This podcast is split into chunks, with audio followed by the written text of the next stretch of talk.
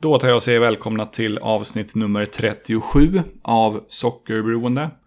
Sveriges kanske enda podcast om nordamerikansk fotboll. Jag heter Johan Dykhoff och i det här avsnittet har jag intervjuat ingen mindre än BK Häcken mittfältaren Erik Friberg. Erik har spelat två och en halv säsong för Seattle Sounders i MLS. Till att börja med spelade han där säsongen 2011, men han flyttade hem till Sverige och Malmö FF efter bara en säsong. Efter att ha representerat nyss nämnda Malmö FF, Bologna och Esbjerg återvände Erik till Seattle sommaren 2015. Säsongen därpå var han med och spelade hem klubbens första MLS-titel någonsin. I en mycket händelserik final på bortaplan mot Toronto FC vann Seattle till slut på straffar. Efter titelsäsongen 2016 vände Erik på nytt hem till Sverige och sedan dess spelar han för BK Häcken. Utöver titelsäsongen 2016 pratar vi i den här intervjun bland annat om hur Eriks tankar gick när möjligheten dök upp att flytta till Seattle för första gången.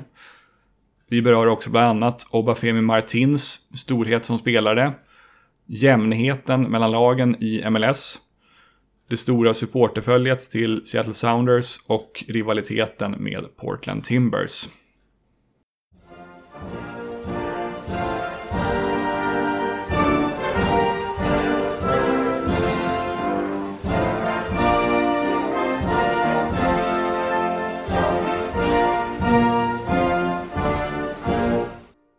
Till att börja med då, om vi går tillbaka till sådär 11 år i tiden till årsskiftet 2010-2011 då det blev klart med din, din första flytt till Seattle ska vi poängtera att eh, För de som kanske har lite, lite taskigt minne eller bara inte har järnkoll på din karriär, kan du beskriva var du befann dig i karriären då och varför det var aktuellt med ett klubbyte då?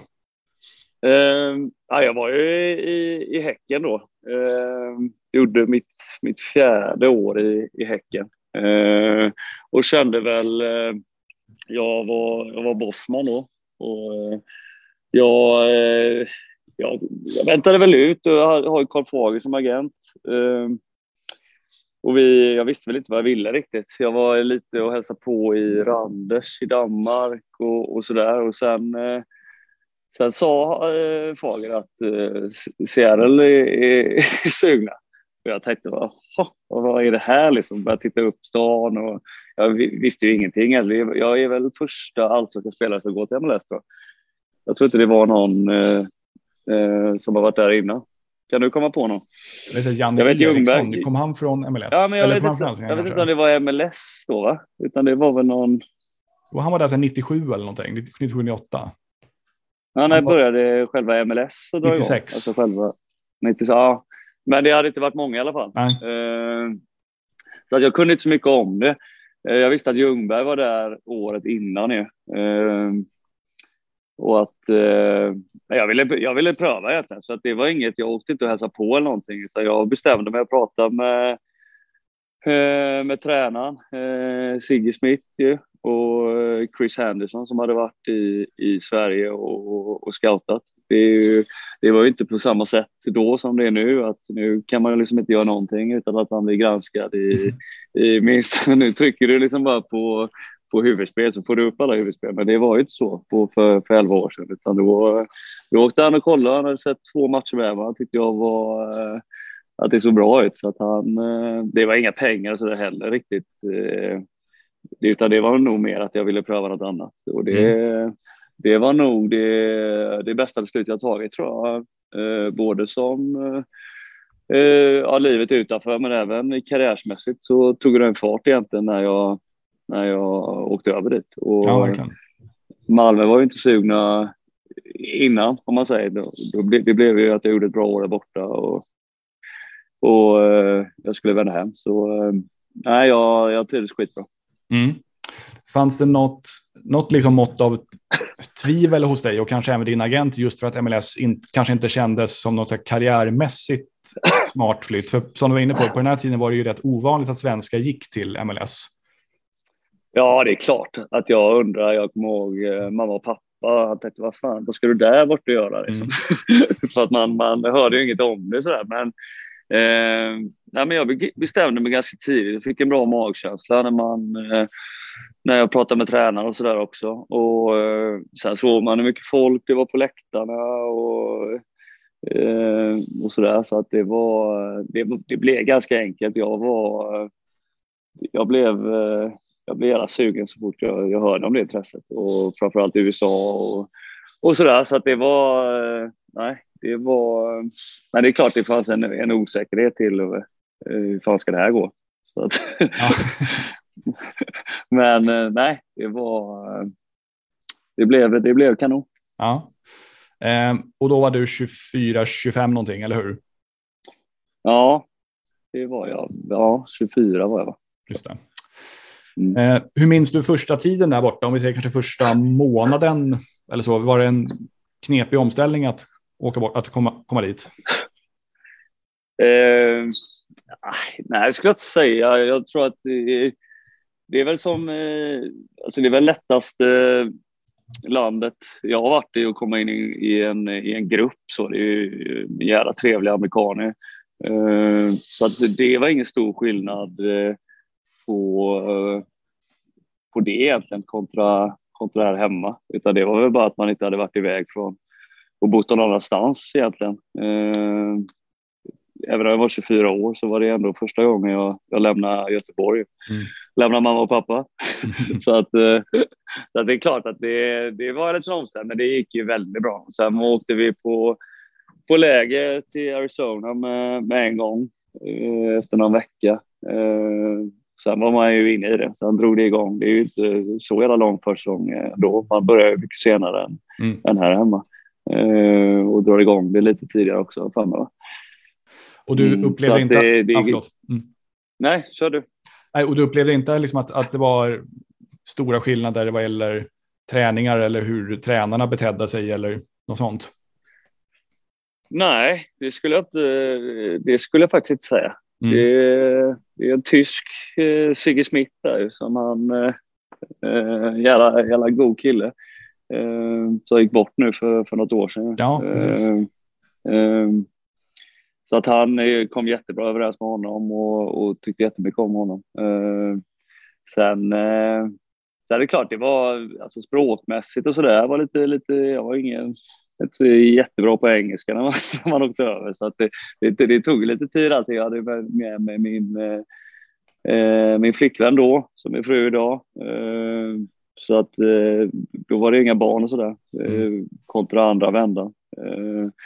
Men då bodde vi mitt i stan i Seattle och vi, det, var ett jättebra och det var lätt för henne att komma in också med med andra spelarfruar och så där tog, tog väl hand om henne och det är också en, en viktig del. Ja, verkligen.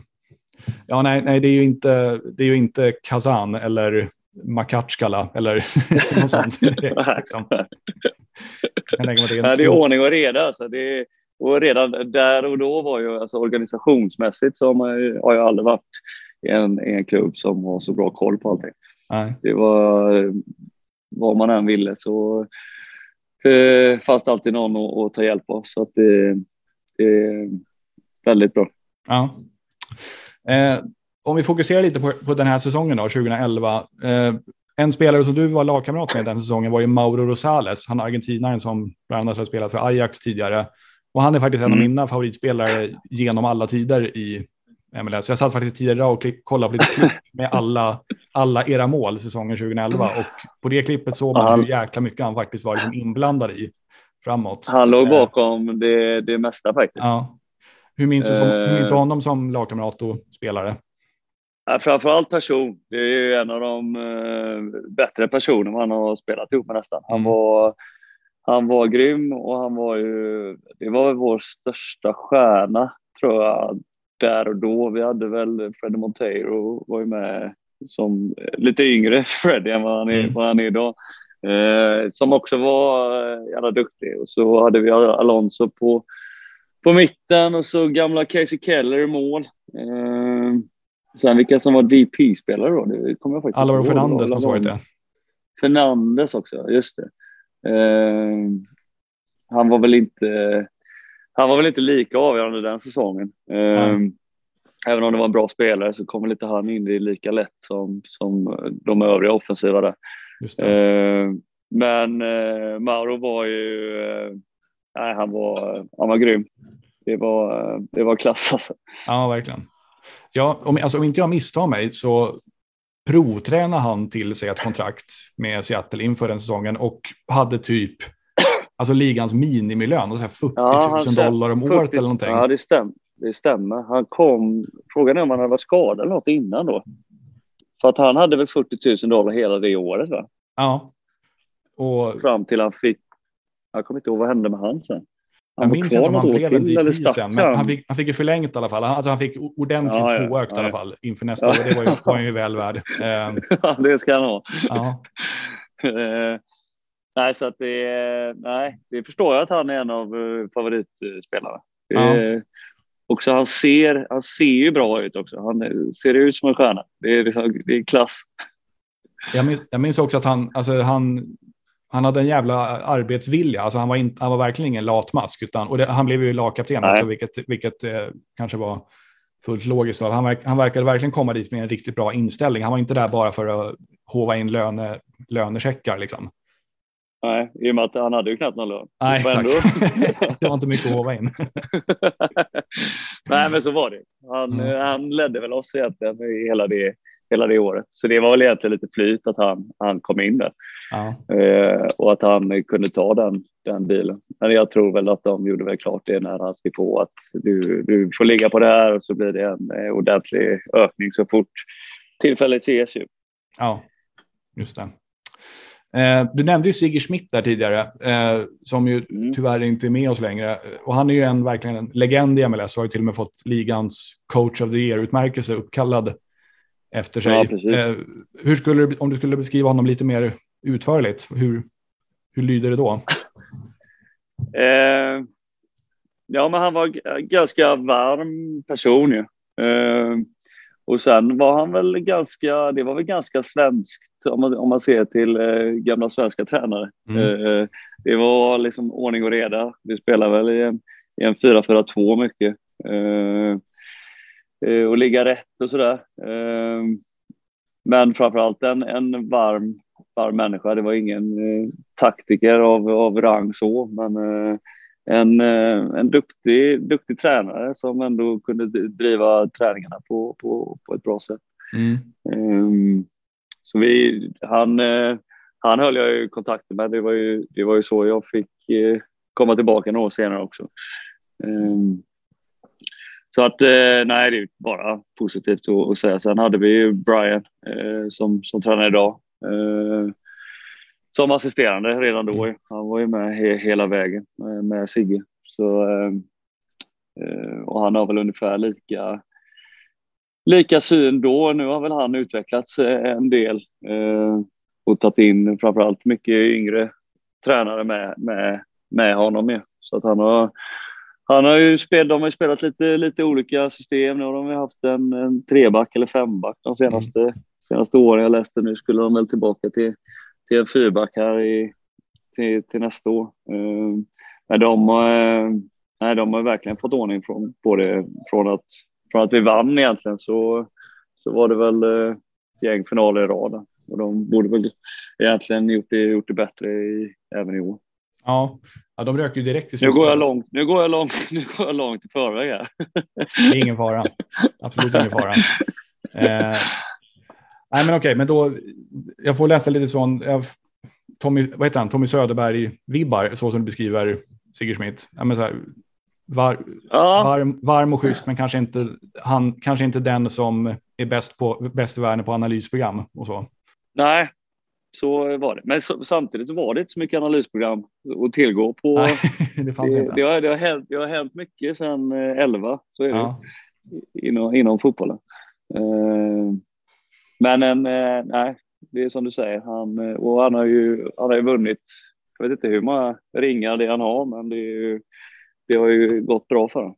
Ja, verkligen. Eh, om vi tittar rent sportsligt på den eh, den säsongen. Ni slutade tvåa i Western Conference, fyra poäng bakom LA Galaxy och sen blev det tyvärr torsk direkt va, i slutspelet för er mot RSL. Ja, Ja, det, vi gjorde ju en skit, skitmatch borta och torskade med 3-0. Eh, sen håller vi på att vända den eh, på hemma, hemmaplan. Så vi, vi, leder över 2-0 och har två i ribban eller sånt mm. Så att det, det, vi var på väg och, och det, det är ju det, det lilla som krävs egentligen. Att tar vi den då kan vi nog gå hela vägen det året. Eh, då, då, då var vi, vi var bra det året. Vi mm. vann väl vi vann kuppen då också. Eh, och tvåa som du säger. Så att det, det hade funnits, eh, funnits läge, men det går inte att förlora 3-0 borta. Då sitter man i skiten, så är det. Ja, men visst. Men, det, det... men sen, var ju, sen ja. var ju säsongen var ju så annorlunda då kontra nu. Det var ju mm. en, det var två conference. Men jag fattar att du har tänkt det, för det var två conference, men alla spelar hemma borta mot varandra då. då är. så att eh, det var ju bra mycket mer resa 2011 än vad det var när man kom tillbaka några år senare. Sen. Just det. Det, var en, det är ju ruskig skillnad. Jag menar, Seattle nu, då möter du ju Vancouver och Portland och eh, ja, LA och de här och det är ju inga, det är inga avstånd så riktigt. Eh, det är ju bara att hoppa på flyget och så, och så är det, spelar du dagen efter. Men ska du över på andra sidan så, så är det klart, då åker du torsdag när du spelar lördag och, och sådär. Eh, men det, det, var också, det var också bra resor. Jag vet att det, jag tyckte om det mycket också. Att uh, åka iväg torsdag och gå lite i städer och sen mm. uh, spelade du match lördag och sen var det alltid efter matcherna så kör man en middag och, och uh, tar några öl så att det var ju det var, det var ett bra liv. Ja, det kan jag tänka mig. Mm. Eh, visst var det mycket av familjeskäl som du flyttade hem efter den säsongen? va? Eh, ja, det var det väl. Vi bestämde väl. Eh, Malin var, var gravid och vi bestämde och Malmö kom in i bilden och jag, mm.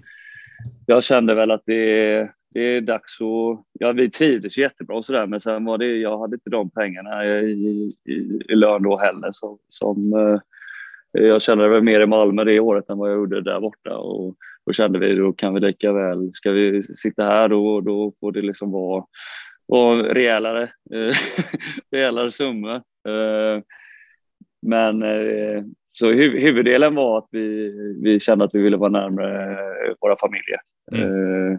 Men sen var det väl delvis också att, att det var inget jättekontrakt och då fick jag välja själv att det var när vi skrev på så, så sa vi det att vi, vi tar ett år i taget. Alltså det var inte så att jag behövde bryta något kontrakt eller något, utan de, de plockade inte bara upp det året efter. Så, så eh, var det bra med det.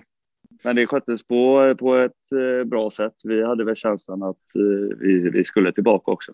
Eh, innan det. Och jag, det var ju väldigt nära att, att, att komma tillbaka när jag lämnade Malmö. Jag åkte upp till eh, från Malmö till eh, Göteborg och på Fagers kontor där och skulle skriva kontrakt med, med Seattle igen där. Det var väl 20, ja, i slutet av 2013.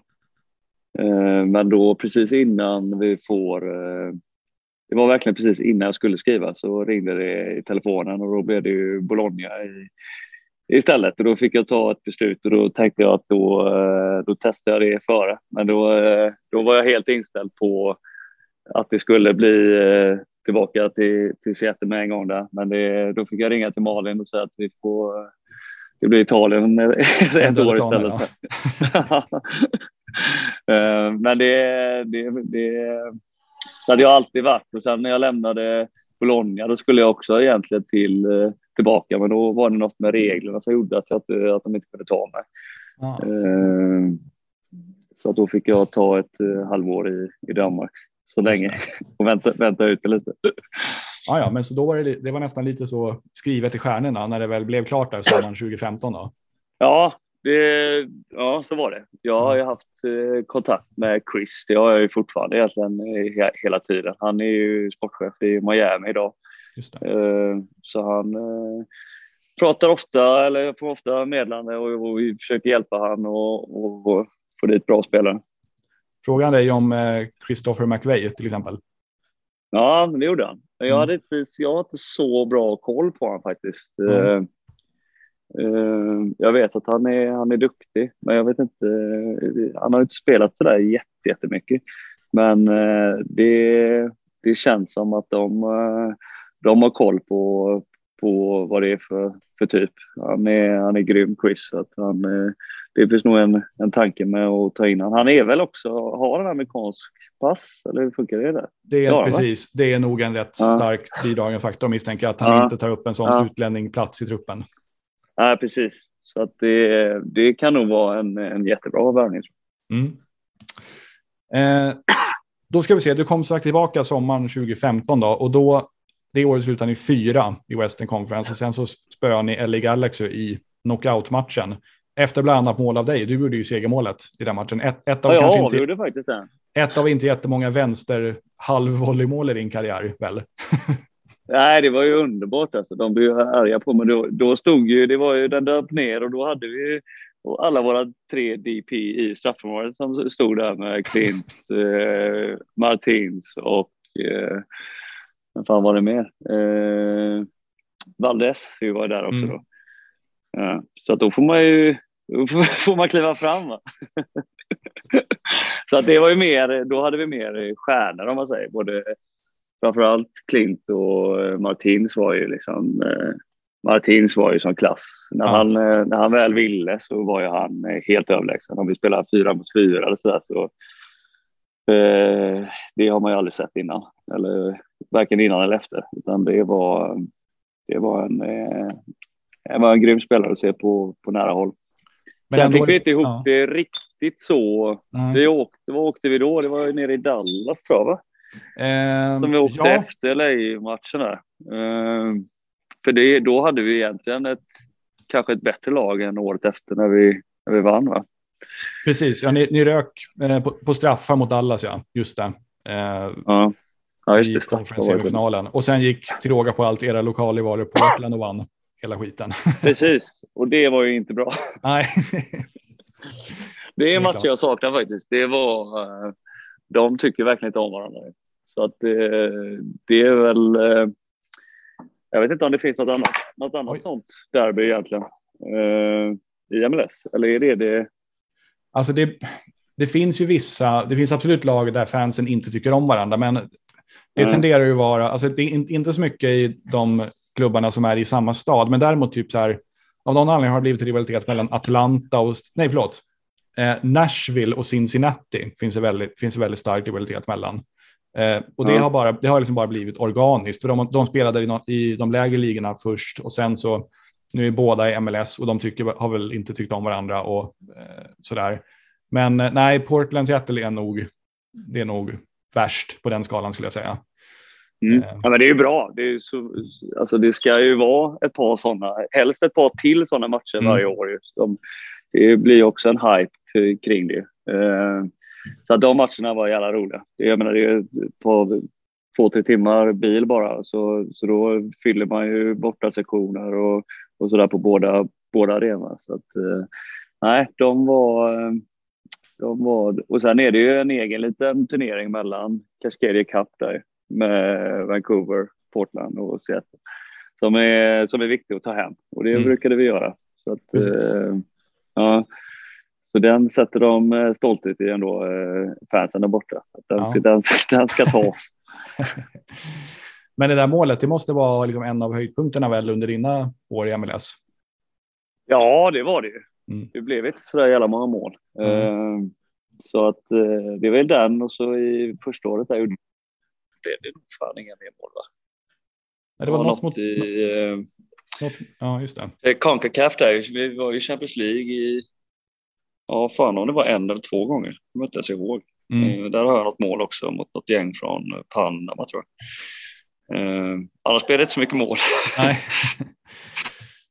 Um, det är klart att den, eh, i och med att det var en sån viktig, viktig match, så är det klart att det, det var, eh, ska man göra ett mål så ska man väl göra det mot LA. Det hade ju varit att man hade åkt ut mot LA eh, en massa gånger innan, så att det var mm. första gången man, man slog ut dem. Så att det är klart att det var, det var ett bra mål att göra. Ja, verkligen. Eh, om vi går över till säsongen därpå då. Det blev en jäkla konstig säsong för Martins som du nämnde innan. Han hade dragit till Kina. Eh, Clint Dempsey hade fått hjärtproblem och kunde inte spela efter en bit in på säsongen. Och vi ligger väl sist i ja, större delen av säsongen. I, jag tror i juli så låg det sist i, om inte hela ligan så i alla fall Western Conference. Och då fick ju Schmidt ja. kicken. Eh, ja. Och det här var ju en av väldigt få, eller det här är ju en av väldigt få perioder i Seattles MLS-historia då det faktiskt gått riktigt jäkla dåligt för laget. Eh, ja. hur, hur minns du den tiden, alltså säg första halvan av den säsongen? Nej, men det var ju skit alltihop då. Mm. Det, var ju, det var ju inte ordning på, på, på någonting. Jag menar, vi, vi trodde väl egentligen att vi skulle missa, missa slutspelet. Det har ju aldrig hänt i historien som de, som de blev ett lag. Att man har ju gått slutspel varje år. Eh, så det är klart, det var inga muntra, muntra miner då. Och eh, Martins var inte med, eh, Klint var inte med. Jag kommer inte ihåg vad vi hade, om det var Valdes och verkligen vem som kan ha spelat med det. Jo, vi, herregud, vi fick ju in Lodeiro då. Och det var ju en av uh, nycklarna. Han var ju otroligt bra för oss. Det var ju, han måste väl vara en av de bättre som har kommit till ligan skulle jag säga. Uh, under, under ett par år där. I, nu har han varit skadad en del förra året. Uh, men där och då så, ja, utan han har det nog varit svårt att, att ta hem det där. Jag tänkte faktiskt precis komma in på honom, eh, för han kom ju där precis under sommaren, typ dagen efter Schmidt hade fått sparken, och så här, tror jag han presenterades. Ja. Eh, och han var väl 27 eller här när han kom, så han var verkligen mitt i sin prime när han kom från, ja. från Bocca. Eh, var ju honom så exceptionell enligt dig? Eh, nej men det är väl allt, allting med, med avgörande passningar, med framförallt när vi pratar om eh, Mauro förut. Han jobbar ju också stenhårt ju. Eh, så att det blev ju en ny energi och det var ju skillnaden.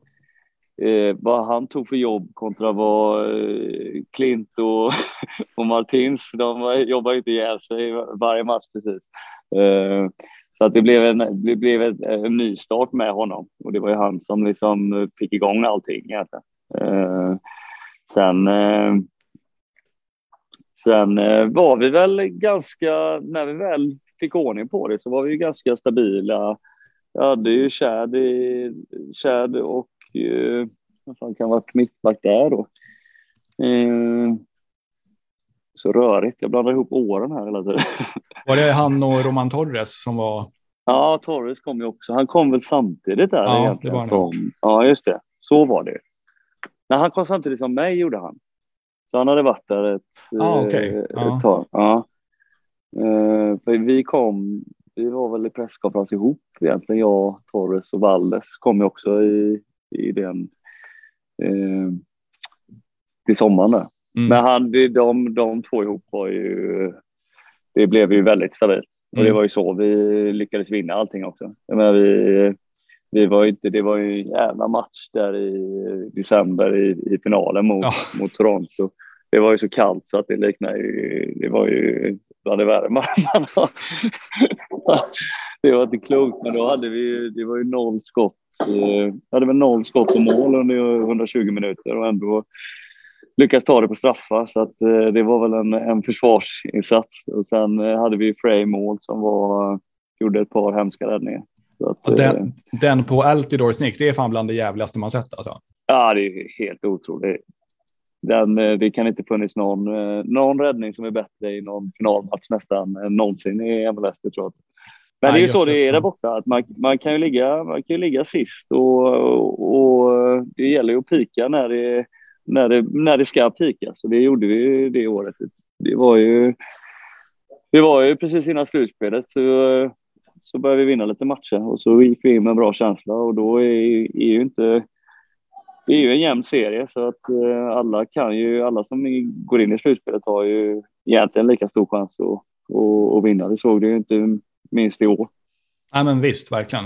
Ja, men det, det, är rätt typiskt det där. Alltså, det har ju hänt massa gånger under de år som jag har följt ligan att Eh, alltså ett lag är svinbra i grundserien och sen ryker de direkt mm. för de gör en skitmatch första matchen i slutspelet och så, och så känns det jättesnopet. Eller vice versa, typ att eh, ja, men ni, ni 2016 är ett exempel som låg sist under sommaren och sen gör en jättespurt mot, framåt hösten och sen första året jag följde ligan, det var ju 09, då, då var det RSL som vann och de, jag tror fan de gick till, till, eller de gick till slutspel på målskillnad.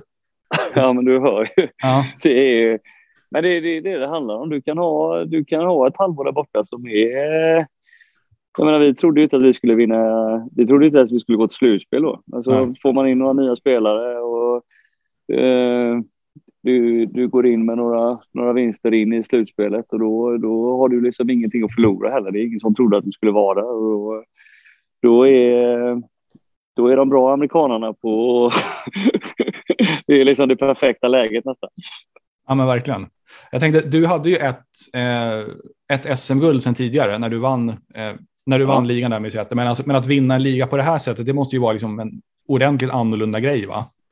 Ja, men så är det. Då är det ju en, en alltså det blir ju en specifik liksom, match så, som är, nu är det final. Det är ju som, som kuppen här hemma. Eller, eh, sen är det klart, det är ju, jag är väl egentligen för att man ska ha en, en serie utan, utan slutspel i, i, eh, i, i fotboll. Det, det hade aldrig gått där borta, men eh, det, det, det, är, det är ju annorlunda på det sättet.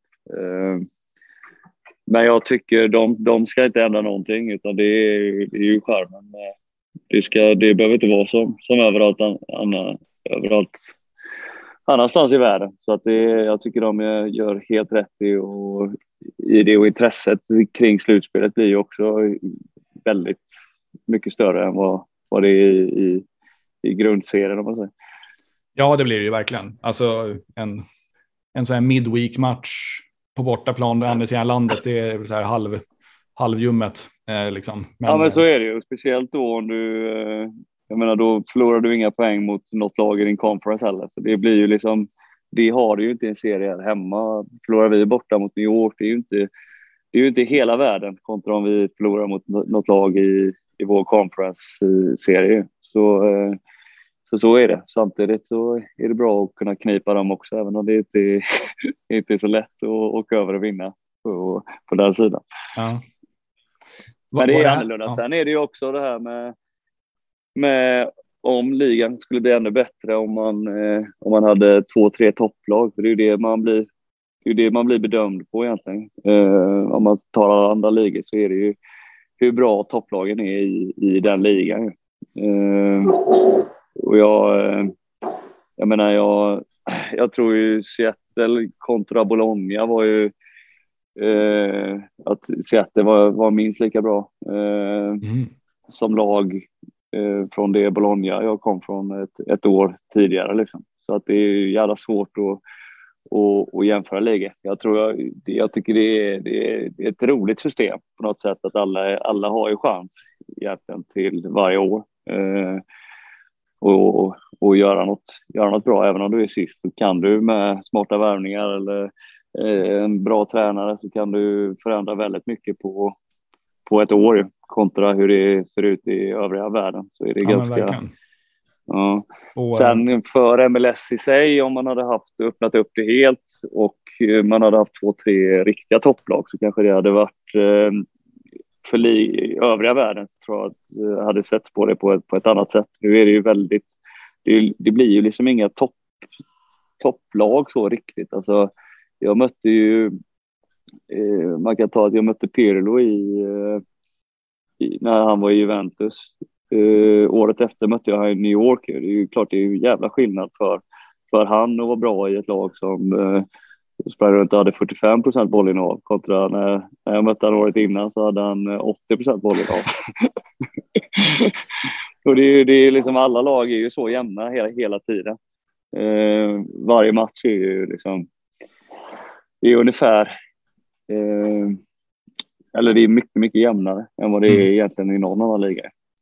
Ja, och det, är så, och det är så otroligt ombytligt också vilka lag som är bra och dåliga. Alltså om man tar, ja. Det finns ju hur många exempel som helst. Alltså om man tar Alltså 2015, då var det finalen mellan Columbus och Portland och sen året därpå missade båda slutspel.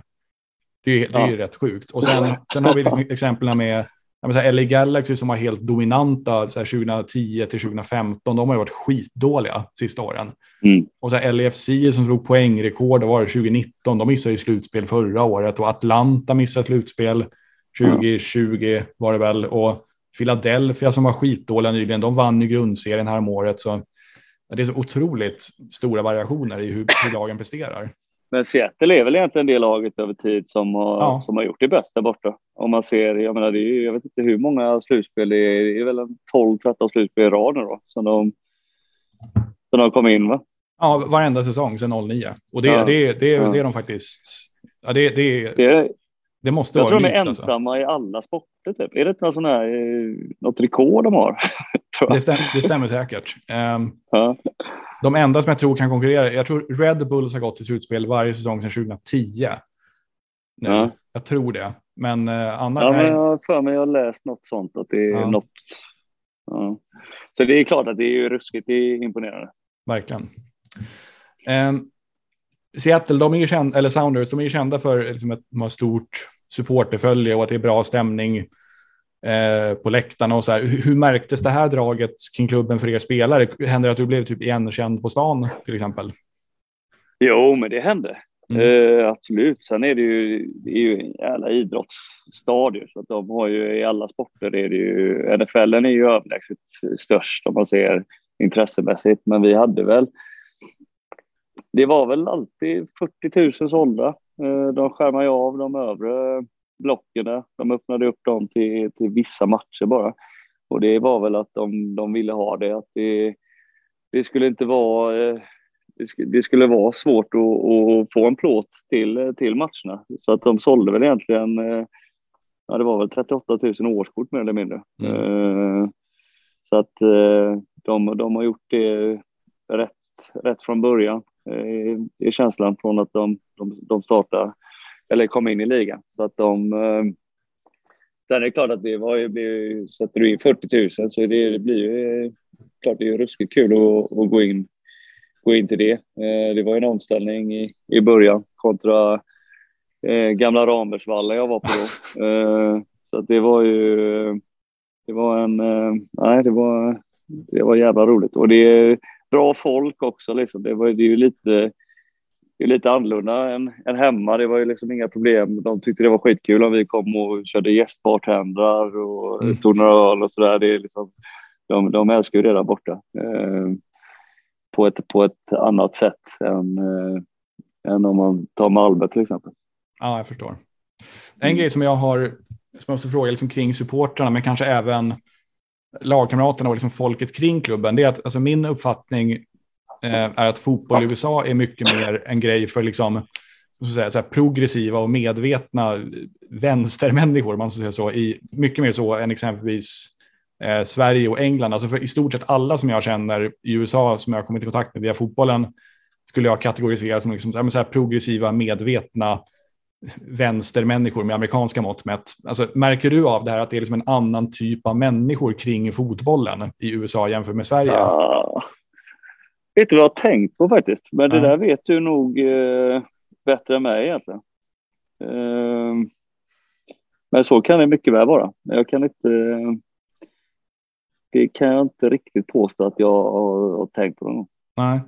Men däremot, däremot är det, ju, det är väl absolut så att fotboll är, det är ju, det är ju mycket mindre mainstream i USA än i Sverige mm. i alla fall. Och det kanske drar till sig ja. en viss typ av människor på något sätt. Ja, men så är det. Men det känns väl, jag vet inte hur publiksnittet är just nu, men det var väl, eh, jag menar det måste väl vara ett snitt på 25 000 eller något i, om du tar över hela ligan. Va? 22 och sen tror jag ligger på, 21, 22 ja. typ. Och det, det slår väl eh, de flesta sporterna där borta egentligen. Va? Det kan väl inte vara många sporter som har, det är ju NFL, men jag tror inte basketen och, och de här tar, ligger på det snittet nästan. Nej, det är väl utomhussporterna, alltså baseball ja. och amerikansk fotboll och collegeidrotter då. Eh, ja, som de är helt tokiga i. Eh. Ja, det... ja. Nej, men det, så är det nog. Men jag menar, det är intresset. Det är, sen är det klart, det är ett eh, stort land och det är, hur mycket folk som helst. Men det, känslan är väl att det blir större och större hela, hela tiden. Ja, helt klart. Eh, Seattle som stad då? Hur, hur trivs du där? Jo, men bra. Det var som jag sa första året så bodde vi mitt i Seattle vid mm. den fiskmarknaden. Egentligen ett, 50 meter ifrån. Där du alltid ser innan matcher så de kastar fisk. Och, så det var egentligen utanför dörren för, för, för mig. Så det var mitt i, mitt i kärnan där. Eh, sen när vi kom tillbaka då, då var det mer ute mot, eh, då bodde vi Kirkland, ett ställe utanför. Eh, men då var det mest för att ja, Chad Marshall och Brad Evans och de här bodde, bodde alla där. Så att det blev, blev ganska enkelt eh, beslut. Och sen eh, flyttade Gustav dit året, året efter. Eh, han, han, tog över mitt liv mer eller mindre kan man säga. när jag åkte hem. Så att det, det är då, nej, utanför plan trivdes jag eh, hur bra som helst. Det var, mm. det är många, många vänner som, eh, som jag kommer fortsätta att umgås med här eh, framöver. Så att det var, nej, det var, det var skitbra. Ja. Hur, vad gör man för att roa sig i Seattle exempelvis? Ja, men du kan göra, kan väl göra allt egentligen. Alltså det är väl alltså det är fina liksom, miljöer och berg och du kan åka skidor och eh, sen är det väl, eh, det är väl som, som överallt annat. Det är, det är bra barer. Det är, mm. det, är, det är som det, som det ska vara, tycker jag. Jag vet inte. Det gjorde väl inte sådär sen, det är klart, sen gick man ju på mycket idrotter och sådär också. Nu är det skit att hockeyn kom först i, i år. Mm. Uh, för det hade jag älskat att kunna ha nära. Uh, men eh, nej, men det, sen har du ju Vancouver och sådär också som, som vi åkte till. Eh, när vi var lediga så flög vi ner till LA ibland och så att det, det, det fanns att göra. Ja, verkligen i princip alla som jag har pratat med som har spelat i eller varit i MLS i någon form har haft väldigt positiva saker att säga om de städer de har bott i. Den enda, Sixten Boström tyckte att Columbus var sådär, men, eh, men eh, alla andra har, alltså Johan Blomberg var helt förälskad i Denver till exempel. Han spelar i Colorado. Ja. Och jag tycker det är kul ja. att höra att alltså, även de som har spelat i de här, lite mindre flashiga och hypade lagen har liksom verkligen talat sig varma om de städerna som de har spelat i. Och det. Det, det, det, kan liksom vara värt att lyfta fram att även om Colorado Rapids kanske inte låter som det sexigaste i världen så är nog Denver en jävligt härlig stad att bo i exempelvis. Och det är säkert samma sak med ja, men Minneapolis absolut och så San Jose och Vancouver också. Så, eh, det ja, finns mycket bra ställen. Men jag tror det är ju människorna där borta också. Det är ju jävla lätt att komma in i, i samhället där. Så att det, mm. jag tror det är, det är också en nyckel att, eh, att, att det är bra människor runt omkring det. Precis, precis. Hur mycket följer du MLS i allmänhet och Seattle Sounders i synnerhet idag? Eh, jag kollar ibland. Det är väl. Eh, det är väl de eh, tidiga matcherna det blir lättast de eh, som går liksom på kvällarna. Där. Eh, sen pratar jag ju mycket med. Jag, jag har ju Ted Graham och Brad Evans jobbar ju i, i Seattle. Jag mm. Jag har ju Jordan Morris och Christian Roldan och de här som jag, som jag pratar med en hel del. Um, så att jag, jag följer dem. Jag, om jag inte kollar matcherna så försöker jag alltid. De har ju rätt bra uh, sammanfattningar på, på matcherna, inte mm. bara highlights utan liksom vad som har hänt. Du, du kan klara det ganska bra på att kolla en, en sån tio minuter. Så, så har du sett, på, sett ungefär hur, hur matcherna är där borta. Så jag, så jag följer väl det mesta och sen eh, har jag varit över när de gick till final eh, året efter så eh, körde de ner oss som, som vann. Eh, så vi fick, eh, fick komma, komma och kolla på, på finalen när den var på hemmaplan. Sådär. Eh, så det har jag ju som standard nu att så fort de är i final så hoppas jag att de flyger över oss. Ja, det är väl min, minsta man kan begära, eller hur? Ja, jag säger det. Vi var i första ringen så att det, är, det är det viktigaste. Ja. Eh, det har ju varit en hel del svenskar som har flyttat dit nu sista åren, alltså med Magnus Eriksson och Tinnerholm och Adam Lundqvist och Robin Jansson, Gustav Svensson som du nämnde tidigare och så. Eh, har de frågat dig om dina erfarenheter från att spela där och vad har du sagt i så fall? Eh, jo, men Mange till exempel pratade jag med innan han eh, stack över såklart. Eh, det var väl samma med, med, med Stara också lite innan han, Han stack, jag hade han i, i Häcken innan han mm, stack över. Eh, så att jag vill egentligen bara, jag är bara positivt att säga. Får man, får man chansen och speciellt de som, som tjänar betydligt bättre pengar än vad jag gjorde under mina, mina år där så, eh, så ser jag liksom inte varför man inte ska åka över. Eh, kan du få en, eh, en bra lön i, i den ligan så då tycker jag att då är det bara att åka över. Så om liksom Leo Bengtsson får ett erbjudande från Kansas så skulle du inte avråda honom? Nej, det tror jag inte. Jag tror inte att det är, jag tror inte att man, eh, man behöver oroa sig så mycket. Nu är liksom, man har lika bra koll på en MLS-spelare idag som man har i, i någon annan liga. Eh, om man tänker landslag och allt sånt där också. Så att, eh, jag menar, det är ju bara att, att skriva in hans namn mer eller mindre så kan du se vilken, vilken match, eh, vilken spelare som är spelar. Så att, eh, eh, det tror jag inte är några problem, speciellt inte när man ser vilka spelare som, som lämnar MLS till andra ligor och så heller. Så, så eh, hade jag absolut inte avrått någon från att, från att åka över. Nej. Om du skulle säga någonting som, in, som inte är, som är lite sämre då, vad skulle det vara? Det är väl, det är väl att det är väldigt annorlunda kanske mot, mot andra ligor. Så är det ju. Eh, med, med slutspel och, och, allt det här och sen även i att det är, men kommer du från, från ett topplag och sen är det så du kan, du kan tradas. Det kan, det kan ju hända grejer som, som du inte är van vid i en annan liga. Eh, men annars så ser jag inte, jag ser inte så mycket negativt i det. Nej. Visst är det däremot det är mycket ojämnare kvalitet på spelarna som man spelar både med ja. och mot. Alltså om man tänker en, en Lodeiro kontra ett sent draftval så är det en jävla nivåskillnad. Jo, det är klart i, i truppen så, men sen ju mer pengar som, som kommer in nu, desto högre blir ju den nivån också. Och så är det ju i alla lag. Du kan liksom inte ha 25 spelare som, är, som ska spela. Eh, men sen, eh, sen är det klart att det kan vara en, en ruggig skillnad mot toppen där borta och eh, gubbe 17, 18, 19, då är det ju, eh, då, eh, nej, det är, det är en nivåskillnad som kanske inte finns på, på jättemånga ställen. Ja, jag tycker det är fascinerande att se. Alltså, ibland så ser man ju sådana här typ, ja, bänkspelare i MLS gå till, ja, men typ så alls, kanske lånas ut till allsvenskan eller superettan eller så.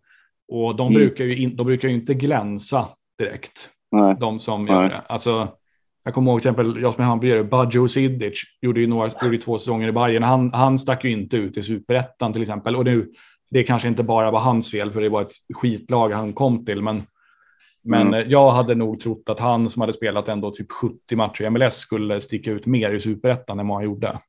Eh. Ja, det är, ja, det är svårt att det är svårt att, att säga tycker jag. Alltså mm. jämföra ligor generellt tycker jag är, är, är grymt svårt. Eh, men sen, eh, sen är du en, en viktig spelare i MLS så, så går du inte till en allsvensk klubb egentligen. Så är, så är det ju. Nej, precis, precis. Inte längre i alla fall. För 15 år sedan kunde det vara så att framstående spelare gick till typ Norge. Och så typ han Michael Parkhurst, mm. han var ju, han var väl Defender of the Year tror jag. Och sen hamnade han i, vad fan det nu var, Lilleström eller något sånt där. Mm. Eh, men det tror jag inte hade hänt idag. Att, alltså, att vet han, vem, vem som, ah, vet han, Walker Zimmerman, han hade inte gått till Lilleström. Eh, nu, det har jag väldigt svårt Nej. på. Nej, Nej, men så, så du har helt rätt. Alltså, är du en, en startspelare i något lag där borta nu så är det nog en, eh, eh, det är klart att, du skulle, att vissa lag skulle kunna få in en, om man verkligen gick för det, som, som Malmö eller vissa klubbar i, skulle kunna köpa någon, någon spelare. Men eh, generellt tror jag så, eh, så är det ett tack upp nu. Mm. Eh, allsvenskan kontra kontra eh, MLS. Så är det.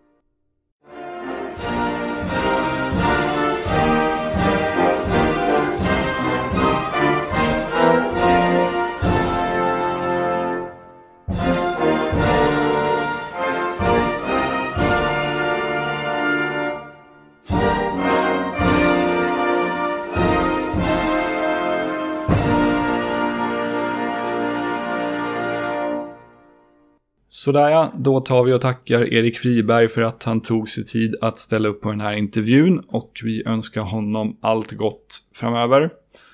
Det var verkligen kul att få chansen att prata med Erik. Jag har i flera års tid faktiskt tänkt att det vore kul att intervjua honom om man ser erfarenheten från MLS. Så det var jätteroligt att äntligen få chansen att göra det. Tack så mycket för att ni har lyssnat. Håll utkik efter nya avsnitt och ha det så himla bra så länge. Ciao, ciao!